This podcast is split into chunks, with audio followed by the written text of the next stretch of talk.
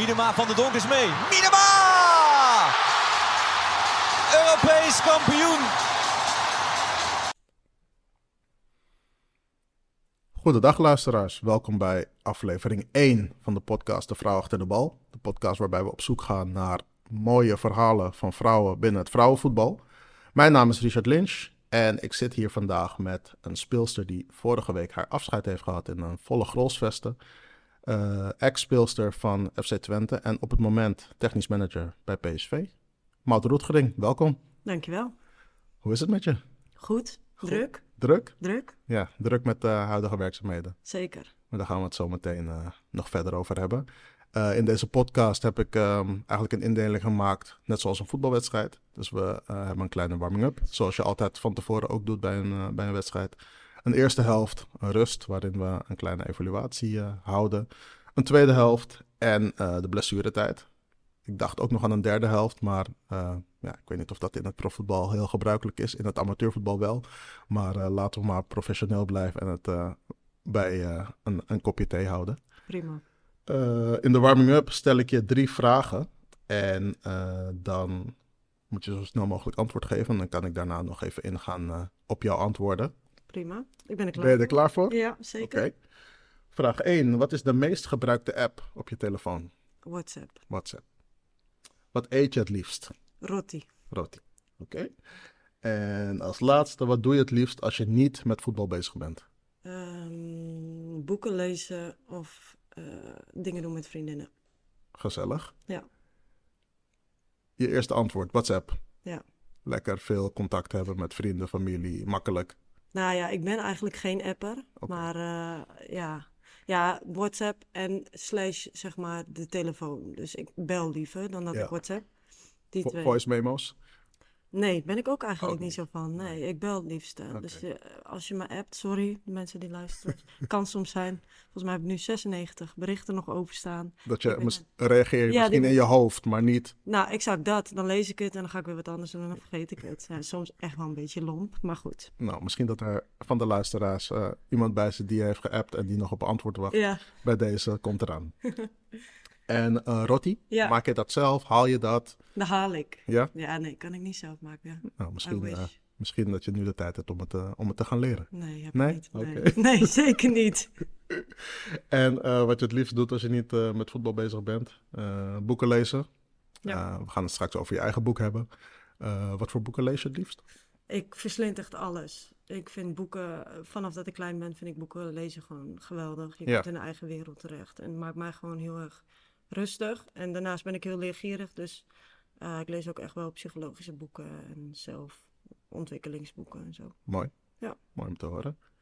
Nou, dat was de warming-up. Als het goed is ben je warm en Ja, kunnen we starten aan, eh, aan de eerste helft.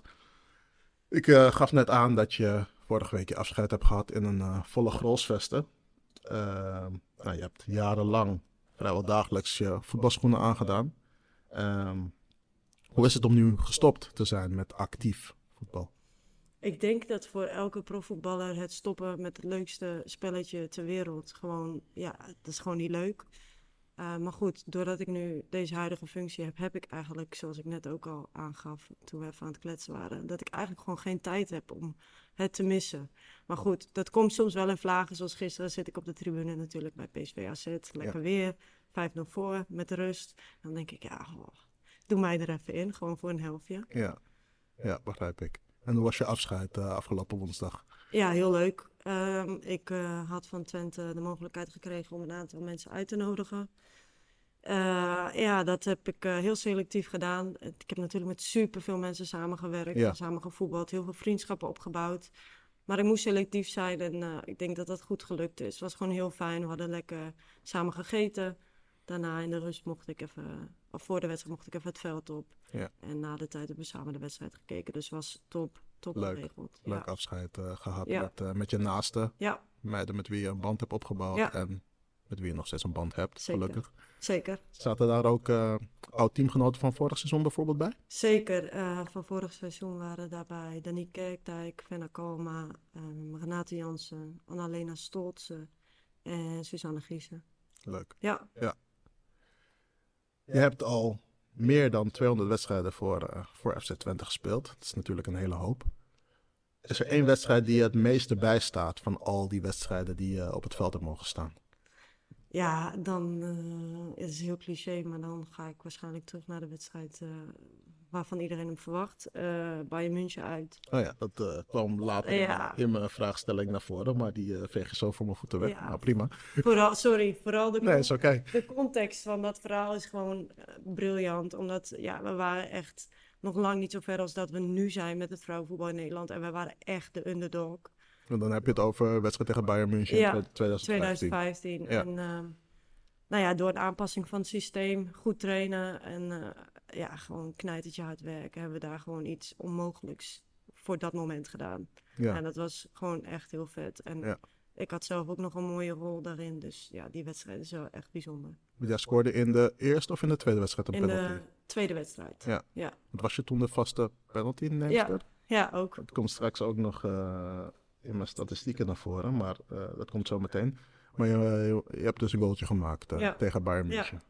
Ja, dat was, uh, ik was vast de penalty nemer dat seizoen. Alleen ja, in zo'n wedstrijd met zoveel druk tegen Bayern München. En ik herinner me nog heel goed, die penalty was gegeven. het ging altijd een beetje tussen Anouk Dekker en ik. Ja. of wie hem dan zou nemen. En Anouk die zei meteen, Mout, jij neemt hem. Maar uh, Maaike Heuven was toen geblesseerd. Dus zeg maar tussen het moment dat die penalty gegeven werd en dat ik hem echt kon nemen, zat twee, drie, vier ja, minuten. Ja, dan ga je nadenken. Ja, ik ging nadenken, ja. En toen dacht ik wel, kut, uh, als hij nu misgaat, we konden twee in voorkomen. Ja ik, uh, ik moet hem maken, ik moet hem maken. Dus het was wel echt zenuwslopend, die vier minuten. Maar gelukkig ja. maakte ik. Had je een vaste hoek normaal gesproken? Nee, ja, ik kan nu het geheim wel verklappen. Ik keek altijd naar wat de keeper deed. Ja. Dus op het moment dat ik mijn standbeen neerzette, dan gaat meestal de keeper iets doen. En dan probeerde ik op het laatste moment de andere hoek te pakken. Een vriend van me die heeft dat ook. Ik vind dat best wel tricky. Maar ja, als je die kwaliteit hebt om dat te doen, dan uh, is dat natuurlijk goed en mooi. Maar... Uh, ik vond, ik vond het altijd best een beetje spannend om te wachten op die keeper. Want ik dacht, wat als die keeper niks doet, dan... Ja, dan ga je wel... Tuurlijk, moet je, moet je natuurlijk een vaste hoek hebben, ja. maar ik wilde liever gewoon van tevoren een vaste hoek hebben. Ja, het is wel een mooie, mooie techniek om een penalty uh, te nemen. Maar ja, hij is ook maar één keer, één keer is het misgegaan. In, ik denk, uh, 20 of zo. Toen was je gelijk van het lijstje af. Nee, zeker niet. zeker niet. Mag ik je missen, toch? Ja, is zeker waar. Is zeker waar. Je bent ook een mens. nou, de volgende vraag die kan ik dan van mijn lijstje afhalen. Ik heb een aantal statistieken opgevraagd via Salman. Dat is een, nou, ik wil zeggen, vriend van mij die via X, een, een dat is voormalig Twitter, een vrouwenvoetbalstatistieken account bijhoudt. NL Wozo Stats. ik zal aan het eind van de aflevering nog even aangeven waar je hem kunt vinden. En daarbij gaf hij een aantal opvallende dingen aan. dat jij in de Vrouwen Champions League de record raakgeschoten penalties hebt. Samen met je vriendin Fenna Kalma. Mm -hmm. Drie keer. Dat gaat alleen over de voorrondes. En samen met de vriendin die ook bij je afscheid was, samen met Marten Munsterman, hebben jullie de meeste wedstrijden gespeeld in de Champions League voor FC Twente. 18 namelijk. Je hebt wedstrijden gespeeld tegen Lyon, Paris Saint-Germain, Barcelona, Bayern München, Wolfsburg. Het zijn niet de minste, minste tegenstanders. Normaal gesproken denk je van, als Nederlands team ga je eraf. Maar je hebt net natuurlijk een prachtig voorbeeld genoemd van een uh, periode tegen Bayern München. Dat het de andere kant op was. Waren jullie, ja, natuurlijk waren jullie euforisch, maar hadden jullie, jullie hadden het natuurlijk gehoopt, maar ook echt verwacht dat het kon om hen te verslaan op dat moment? Ja, we hadden destijds trainer uh, Arjan Veurink. Um, ja, bizar goede trainer. Die nu assistent is van uh, ja, Sarina van Sarina. Engeland. Tactisch heel sterk. En uh, ja, hij heeft ons gewoon nog laten geloven in dat plan. En nee, tuurlijk wist je ergens in je achterhoofd dat de kans heel klein was. Maar naarmate die wedstrijd vorderde. We speelden toen 5-3-2. Ik speelde aan de buitenkant. Dus de hoge wingback. Beetje Pelova-achtig. Ja, Pelova-achtig. Ja. En ja, naarmate die wedstrijd vorderde, merkte gewoon dat Bayern München daar echt heel veel moeite mee had. Miedema zat toen ook nog bij Bayern. Ja. Uh, en ja, als zo'n wedstrijd dan gestaag vordert en je merkt gewoon dat, dat Bayern, Bayern München moeite met je heeft, ja, dan gaat dat geloof, dat wordt steeds groter. Ja, tuurlijk. Nou, we kwamen natuurlijk voor door een bizar doelpunt van Jill, die zich losweekte van twee speelsters en even raak schiet. Nou ja, dat, is, dat helpt wel mee. Als je 1-0 voorkomt, dan, uh, ja, dan ga je er wel in geloven. Gelo gelo het werd toen 1-1. Ja, toen kregen we die panel. ja, en dan heb je nog iets van, ik weet nog, wat zal het zijn? 20 minuten hadden we nog om te overleven. En we wisten dat 2-2 ook voldoende zou Ja. zijn. Ja. dat waren de langste 20 minuten van mijn leven. En als ik die samenvatting ook terugkijk, Bayern heeft daar echt nog 38 miljoen duizend kansen gehad. Maar Ja. het was wegkoppen, wegrossen. Ja, je de voor, voor de bal gooien. Voor de bal. Marieke Ubachs die 16 keer redden op de lijn. En uiteindelijk eh floot de scheids af. Ja, toen, wa- toen waren we wel echt Ja, euforisch. Door het dolle heen. Ja. En, en kapot, denk ik. Ja, Als je uiteindelijk in de zwaar. kleedkamer zit. Ja. Ja. Ja. ja, dat was heel pittig. Ja, prachtige ervaring. eh, die neem je toch mee eh, in, je, in je rugtasje. Zeker. Je had het net over het feit dat je druk bent. Eh, je zit nu natuurlijk eh, in je nieuwe rol als technisch manager bij PSV. Eh, hoe bevalt deze functie? Ja, supergoed. PSV is echt een hele mooie club. En ja, ik begin er wel steeds meer achter te komen dat Brabanders en Tukkers toch wel op elkaar lijken. Ja, Ja, voor mij is alles nieuw. Ik zit letterlijk nog met mijn halve voetbalschoenen aan in, in het kantoor. Ehm, maar eh, ja, ik word zo goed begeleid en eh, ik leer echt heel veel. Elke dag opnieuw in kleine dingetjes, soms grote dingetjes. Nou ja, en ik word daar gewoon heel blij van. Want ik ben Ja. echt een, ja, iemand die graag wil leren. En, Ja. eh, ja, wat ik zeg. Dus het, het, het is gewoon heel fijn, heel leuk. Ja. En ik hoop dat het een succes wordt. We Ja. zullen zien. Ik ga gewoon heel erg mijn best doen, dicht bij mezelf blijven en dan kijken of dat werkt. dat is denk ik heel, heel belangrijk. Ja, ik kom eigenlijk natuurlijk rechtstreeks van het voetbalveld, eh, nu op kantoor. Ehm, voordat PSV ehm, je aantrok eigenlijk, wa- wa- wat wilde je eigenlijk gaan doen na je actieve voetbalcarrière? Of had je daar überhaupt nog niet eens over na kunnen denken? Nou ja, ik heb eh, het geluk, of misschien niet altijd even makkelijk, maar twee grote passies in mijn leven. Fashion is er daar één van. En voetbal is er daar is de ander. Ehm, en dat ik in de voetballerij zou willen blijven op de een of andere manier, dat wist ik altijd al wel. Ja, Ehm, ik heb mijn UEFA C gehaald. Ik was ook heel erg aan het twijfelen, ga ik mijn UEFA B halen? ja, Eh, vorig jaar lukte dat helaas niet omdat het te druk was. Dus eh, ja, voor mij lag echt alles nog open voordat PSV op de lijn kwam Ja. voor deze functie. Dus ik zeg ook niet dat ik mijn hele leven technisch manager blijf. Ik ga dit nu doen bij PSV en, dan- en dan uiteindelijk zien we wel verder. Want ja, ik vind de voetballerij in de breedste zin van het woord gewoon superleuk. Uh, misschien trainer op den duur. Eh, ik sluit niks uit. Eh, je, je, gewoon- je veegt weer een eh, vraag voor mijn voeten weg. Oh, sorry. Maar het is helemaal goed, Sorry. want dan kan ik zo meteen een bruggetje maken met... had je ooit de ambitie om trainster te worden? Ja. Maar die heb je dus... nou ja, Ja, dit- je hebt de papieren in ieder geval. Ik heb de papieren en ik vind het gewoon. Kijk, de essentie van het verhaal, wat ik heel erg leuk vind, is om andere mensen beter te maken en in hun kracht te zetten. Ja. Eh, en te kijken van hoe krijg ik nou zo'n team aan de praat? Ja, Eh, welke karakters horen erbij? Welke specificaties horen bij spelers op welke positie? En dat was ook altijd in mijn actieve carrière wat mij het meest blij maakte. Ja. Tuurlijk, scoren, superleuk, winnen ook superleuk. En ik heb het geluk gehad dat ik altijd bij een van de beste teams, nou, laten we zeggen het beste team van Nederland, heb gevoetbald Ja. tot eh, afgelopen seizoen. en ja, maar het leukste vond ik echt om, om te zien hoe meiden binnenkwamen bij ons en, en, en hoe ik ze dan kon helpen om tot bepaalde eh, groei te komen. ja. Het is gewoon heel erg leuk om te zien dat dat soort spelers nu gewoon wereldtop zijn geworden. Ja, kun je daar voorbeelden van noemen? Ik heb een podcast geluisterd waarbij je eh, een verhaal vertelde over eh, dat jullie, jij en Fenna Kalma, eh, s ochtends wat, het water in gingen Ja. en dat jullie echt naar elkaar toegegroeid zijn. Zeker. Is dat een speelster die je bijvoorbeeld eh, hebt zien groeien in, in die periode? Ja, zeker, 100%. Maar dat durf ik niet echt per se te zeggen. Ja, Nee, dat dat door jou zal komt. Fans zal zeggen dat het wel ook met mij te maken heeft. Maar op mijn manier gewoon Fenna helpen om in haar kracht te komen. Ik weet nog dat Daphne van Domselaar bijvoorbeeld binnenkwam bij ons. Ik kwam toen van VV Alkmaar. En toen in de eerste, dat zegt ze ook nog altijd, in een van de eerste weken zei ik tegen haar... Als jij zo blijft keepen, Daf, eh, dan ga je Sari van Venen dan vervangen. Ja. En Ik zag, ik zag kaart lachen waarschijnlijk. nou ja, nee, niet eens, maar zo van, oh, oh, oh, oh, oké. Nou, en dat is letterlijk gebeurd. ja. Ja. Nou, eh, Lim Wilms, idem dito, rechtsback natuurlijk. Ja. En uiteindelijk ging dat ook ten koste van mijn speelminuten. Maar ik ben altijd haar grootste cheerleader geweest. Ze speelt nu gewoon bij Wolfsburg. Ja. En dat vind ik het mooiste. Want ik wist gewoon op een bepaald moment, moment in mijn carrière... Kijk, ik ben niet zo goed als zij zijn. En zo goed zou ik ook nooit worden. Dus ik heb geprobeerd gewoon om mijn kennis en ervaringen te delen. En er gewoon altijd voor, voor dat soort mensen te zijn. En voor het hele team te zijn. Ja. Dat zij hun ontwikkeling konden pakken. En dat ik daar ja, een onderdeel van was. Maar het is ook belangrijk dat je zelf weet wat je wel en niet kunt. En Zeker. als je ziet dat iemand beter is, dan is dat niet per se een schande.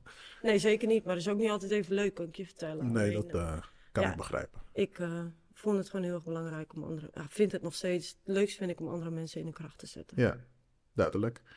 Ehm, je hebt technisch-commerciële textielkunde gestudeerd. Klopt. Heeft deze keuze eh, iets te maken met de modeachtergrond van je familie? Zeker. Ik heb... ehm, ik voetbal natuurlijk ook van het voetbalde. Sorry, ik moet nog even wennen. Ik voetbalde vanaf mijn vijftiende bij Twente. Toen zat ik op, eh, op de HAVO. Toen wist ik eigenlijk niet zo goed wat ik wilde. Heb ik een VWO achteraan geplakt. Ja. Toen dacht ik, nou weet je, dan geeft me twee jaar meer tijd om na te denken. Ja. Toen wist ik nog steeds eigenlijk niet zo goed wat ik wilde. En toen eh, dacht ik, ja weet je, ik vind mode gewoon leuk. Dus ik ga gewoon op, eh, op Saxion in Enschede HBO technisch commerciële textiel kunnen doen. Ja. Nou ja, de appel valt niet ver van de boom. We hebben een eh, modefamilie, eh, we- zijn een modefamilie, we hebben een modebedrijf. Maar uiteindelijk, na die studie, had ik wel zoiets van, oh, ik, ik vind dit echt superleuk. Ja. Maar ik ben nog niet genoeg uitgedaagd. Dus toen heb ik nog eh, een bachelor Communication Science op de En universiteit. dat allemaal naast het voetbal. Zeker, allemaal naast het voetbal. Netjes. Ja, En ik- druk. En druk. heel druk. Maar ik merkte wel altijd dat op het moment dat ik mijn hersenen uitdaagde, dat ik voetballend ook meer kon ontspannen. Dus ik had dat wel echt nodig om ook eh, te voetballen. Ik ben nooit het type geweest dat alleen voetbal kon doen. Nee. Nee. En alleen de focus op voetbal. Nee. Doe je nu nog iets met die opleiding? Of Eh, opleidingen? Nou ja, communicatie komt natuurlijk terug in alle aspecten van het leven. Ja, Dus dat, doen, dat, je- doen we, dat doen we nu ook. Ja, dat doen we nu ook. Dus dat is wel eh, iets wat ik denk ik dagelijks nog toepas. Ah ja, en fashion is nog steeds... Ik heb nog een stille wens en de plannen liggen er om een eigen kledinglijn te beginnen. Eh, goed, ja, je moet eh, niet alles tegelijk willen. Natuurlijk het boek gedaan met Wout. Nu deze nieuwe functie. Dus voor alles is een plaats en plek, denk ik dan altijd. Ja. De plannen liggen er. Leuk. Dus dat ik er uiteindelijk wat mee wil gaan doen, dat denk ik wel, ja. Ja.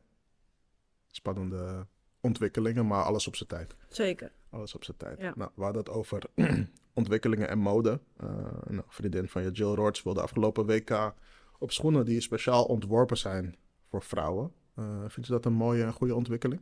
100 procent. Ehm, uiteindelijk zijn mannen en vrouwen natuurlijk compleet anders gebouwd. Dus het kan niet anders dan dat er andere, ander schoeisel voor nodig is. Dus als het eh, toegespitst is op vrouwen, dan juich ik het aan. Ja, ik trouwens. denk, ik denk ook dat eh, nou, ze deed het goed. Ze scoorde een aantal fantastische goals. Dus ik denk dat die schoen haar wel geholpen heeft. En ik denk ook dat het een eh, goede ontwikkeling is 100%. eh, in het voetbal, in het vrouwenvoetbal.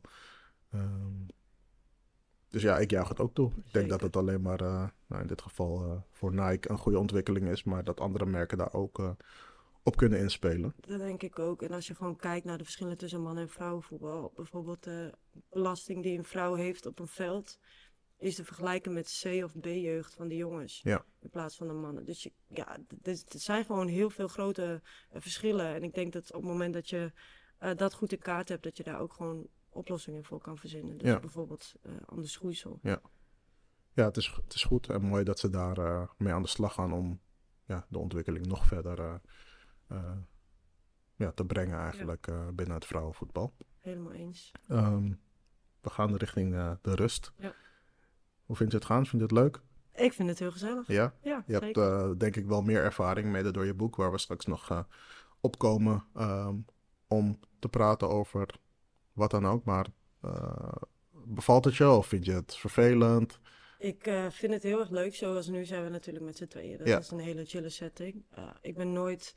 Ik was vroeger heel verlegen, zou je nu niet zeggen. Ik ben uiteindelijk wel eh, wat meer eh, outgoing geworden door de voetballerij ook. Ook omdat je interviews moest geven, ik Ja. moest aanvoeren, dat soort dingen. Maar van nature ben ik niet per se iemand die heel graag het woord wil hebben of Nee. Liever, liever, iemand- liever iemand anders, Nou, laat iemand anders maar praten. Ja. ja. duidelijk. Normaal gesproken, wat drinken jullie normaal gesproken in de rust? Ik weet niet hoe dat eh, is en gaat bij eh, vrouwenvoetbal, eh, normaal gesproken in de Eredivisie. Er komen, tenminste bij Twente kwam altijd wel even Theo Oranje natuurlijk. Ja. Maar ik dronk altijd gewoon zo'n isotone Ja. drank. Ja, Zodat je goed aangevuld bleef. precies. En de tweede helft fris kan starten. Zeker. Die wij nu ook fris gaan starten. Ehm, hoe heb je het WK afgelopen zomer beleefd? Ja, ik heb eh, gekeken zoveel als ik eh, kon. Ik wist natuurlijk ook eh, toen dat ik deze huidige functie zou gaan bekleden. Ja. nou ja, dat heeft ook geresulteerd in meteen een speelster vanuit het WK. Die hebben we daar ook letterlijk gescout. Ja. Riley van Nieuw-Zeeland. Zeeland, ja. Ja, en Nederland zelf dan natuurlijk gesupport. Ben je, heb je de wedstrijden s'nachts ook gekeken? Ja, Ja. zeker. Ja. Ehm, had je van tevoren een favoriet voor het WK? Nou, ik denk dat, weet je, het probleem, of nou, het probleem niet. Het is, bij het vrouw, toernooien bij vrouwenvoetbal zijn zo onnavolgbaar. Ja.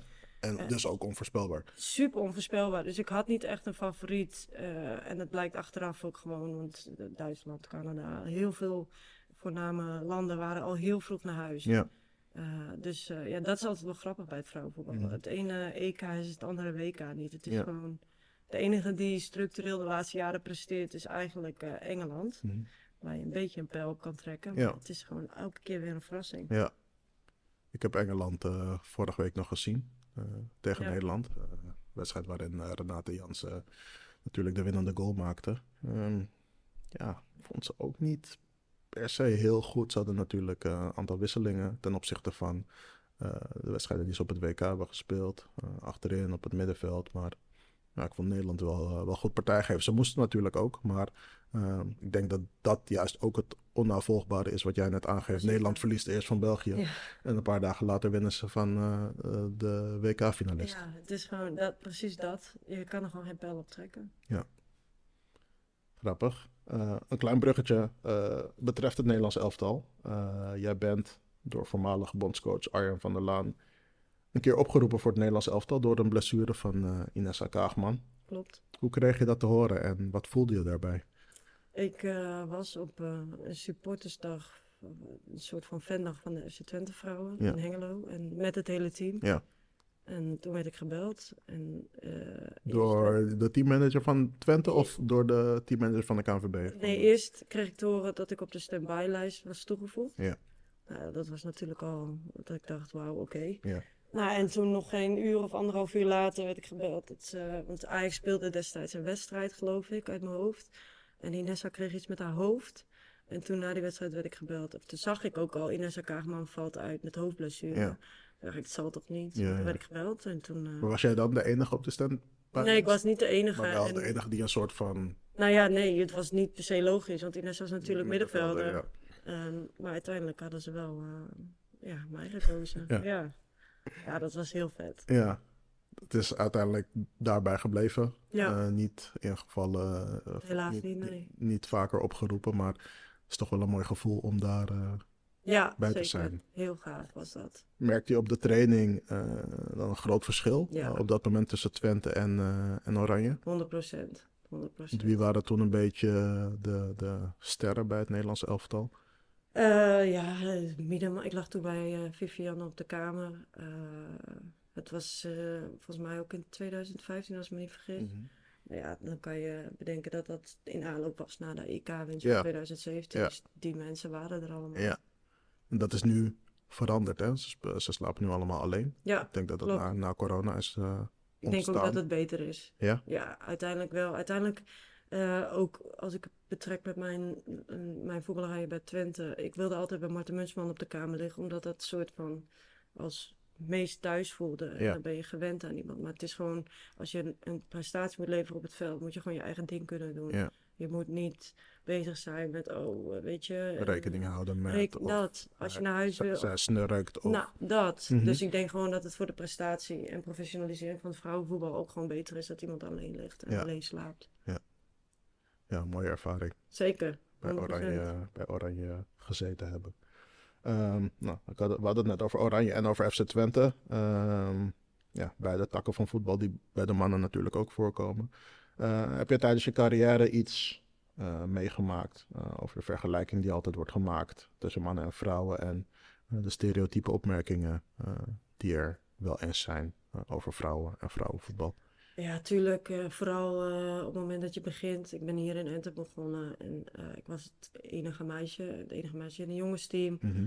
Nou ja, ga maar eens met tienjarige meisjes, of tienjarige jongens en één meisje hier in, relatief boerenomgeving tegen een ander jongensteam spelen. Ja, ouders. Vooral ouders, hè, dat is de Mhm. Ja, grap. niet eens de kinderen. Nee, die eerste kinderen, die vinden dat niet leuk. Dat als ik dan gewoon goed speelde, dan, eh, ja, dan hoorde ze vanaf de kant roepen...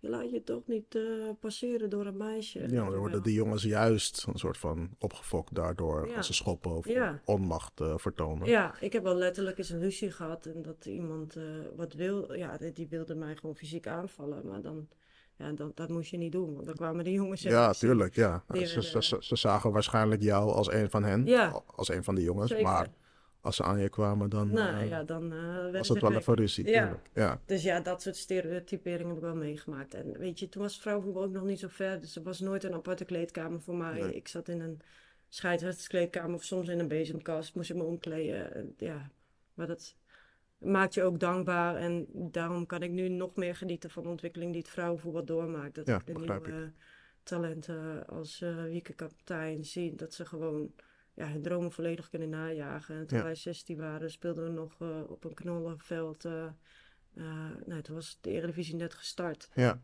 Hoe, lang, hoe lang heb je bij de jongens gevoetbald of Tot- mogen voetballen? Tot de B1. Oké. En toen in de B1 eh, speelde ik een wedstrijd op zaterdag bij de jongens. Maar toen speelde ik ook al in de onder 17 van Twente. Dus eh, daar zaten we. Uiteindelijk zijn we toen overgegaan met die onder 17 meisjesteam van Twente in een jongenscompetitie. Voor de, voor de luisteraars, B1, dat is een beetje van onze tijd. Dat is het huidige onder 17 Klopt. eh, qua leeftijdscategorie. Ja. categorie. Ehm, was het op dat moment daarna niet meer fysiek te bolwerken tussen de jongens? Eh, in een, eh, op, op een leeftijd die je dan hebt eh, in een vrouwenlichaam? Ik denk wel dat dat ook een be- beetje de leeftijd is waarop Ja. je splitsing moet gaan maken. Maar goed, uiteindelijk liep het ook zo. Dus ik Ja. zou het niet kunnen weten. Ik kan niks zeggen over. Misschien was ik wel Nee. onder 19, had ik ook nog wel mee kunnen komen. Ja. De A1 van vroeger. Ja. Maar toen gingen wij naar Twente met z'n Ja. allen. En hoe was dat, die overstap?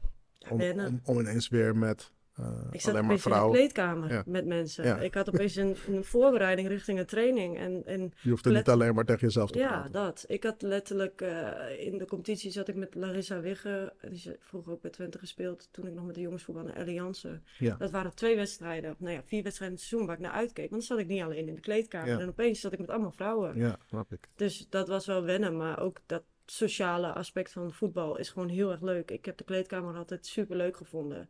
Dus eh, ja, ik was blij. Dat is ook natuurlijk een leuk onderdeel in en van het voetbal, Ja. de kleedkamer. Ja, dat is misschien nog wel wat ik het meeste mis. Ja. Gewoon lekker ouwe hoeren of Ja. gewoon kletsen en Ja. eh, met elkaar bezig zijn. Muziek? Hadden jullie muziek in de Zeker, kleedkamer bij Twente? Hadden jullie een vaste...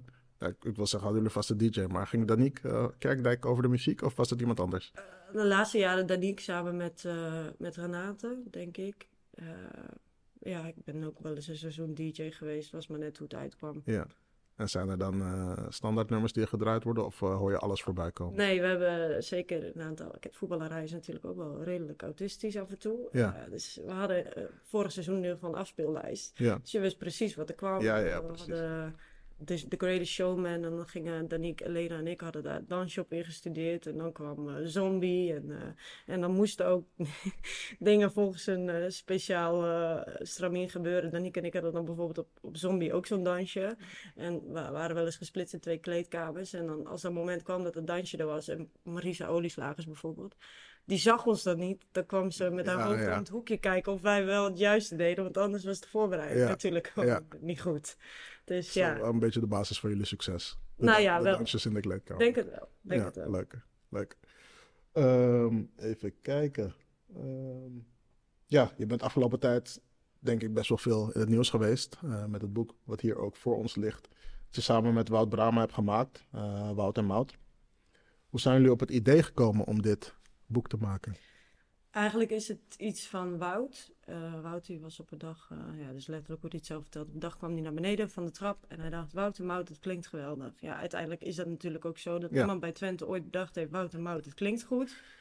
Nou ja, en, hij zei, de, en toen dacht hij, dit is een kinderboek, ook niet iets anders, het was een kinderboek.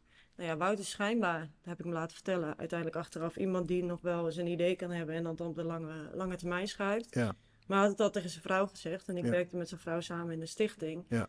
Dus die was s'avonds thuisgekomen. Ja, je kan er niet meer onderuit, want ik heb het Mout verteld. Ja. En toen heeft Wout mij een berichtje gestuurd. En vandaar is dit... Want jullie kenden elkaar wel al, Ja. omdat je met zijn vrouw werkte en omdat jullie beiden bij Twente speelden. Zeker. Uiteindelijk zitten we allebei, denk ik, Wout en ik schillen, denk ik, twee jaar van, qua lengte dat we bij Twente hebben gezeten. Maar weet je, de man en vrouw zijn altijd dusdanig gescheiden dat het eh, nieuwjaarsrecepties en Ja. kerstborrels was. Ja.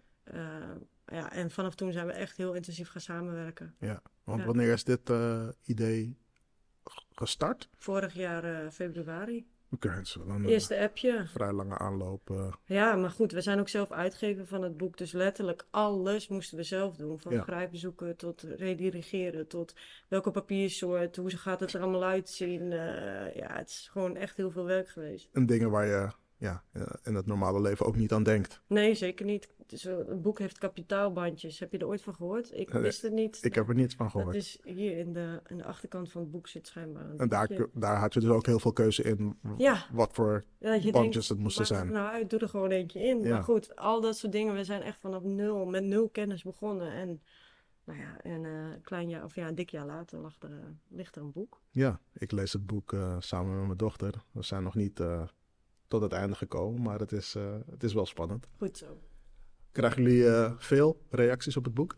Ja, heel veel. En echt heel veel leuke positieve reacties. En eh, daar zijn we heel blij mee. En we zijn nu aan het overwegen om, of overwegen, we gaan een deel 2 maken. En dan willen we ook een ander. eh, deze is natuurlijk ingestoken op. nou, het is een voetbalavonturenboek, maar met een rode draad van inclusiviteit, diversiteit en homoacceptatie binnen de voetballerij. Ja. En boek 2 willen we discriminatie en eh, racisme graag laten terugkomen op de een of andere manier. Ja, Dus eh, mooie thema's. Zeker. Eh, het thema van boek 1 eh, is denk ik op dit moment een hot item.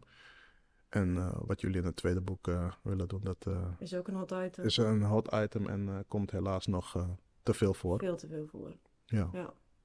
mooie initiatieven. En wat ik zei, ik eh, ga het boek hopelijk eh, op korte termijn uit- uitlezen. Maar eh, daar heb ik mijn dochter ook voor nodig. Ja. We zijn alweer aanbeland bij de blessuretijd. Ik heb weer, net als bij de warming-up, drie vragen voor je. Waar je ja, snel antwoord op moet geven. En dan kunnen we daarna nog even ingaan op, op je antwoorden.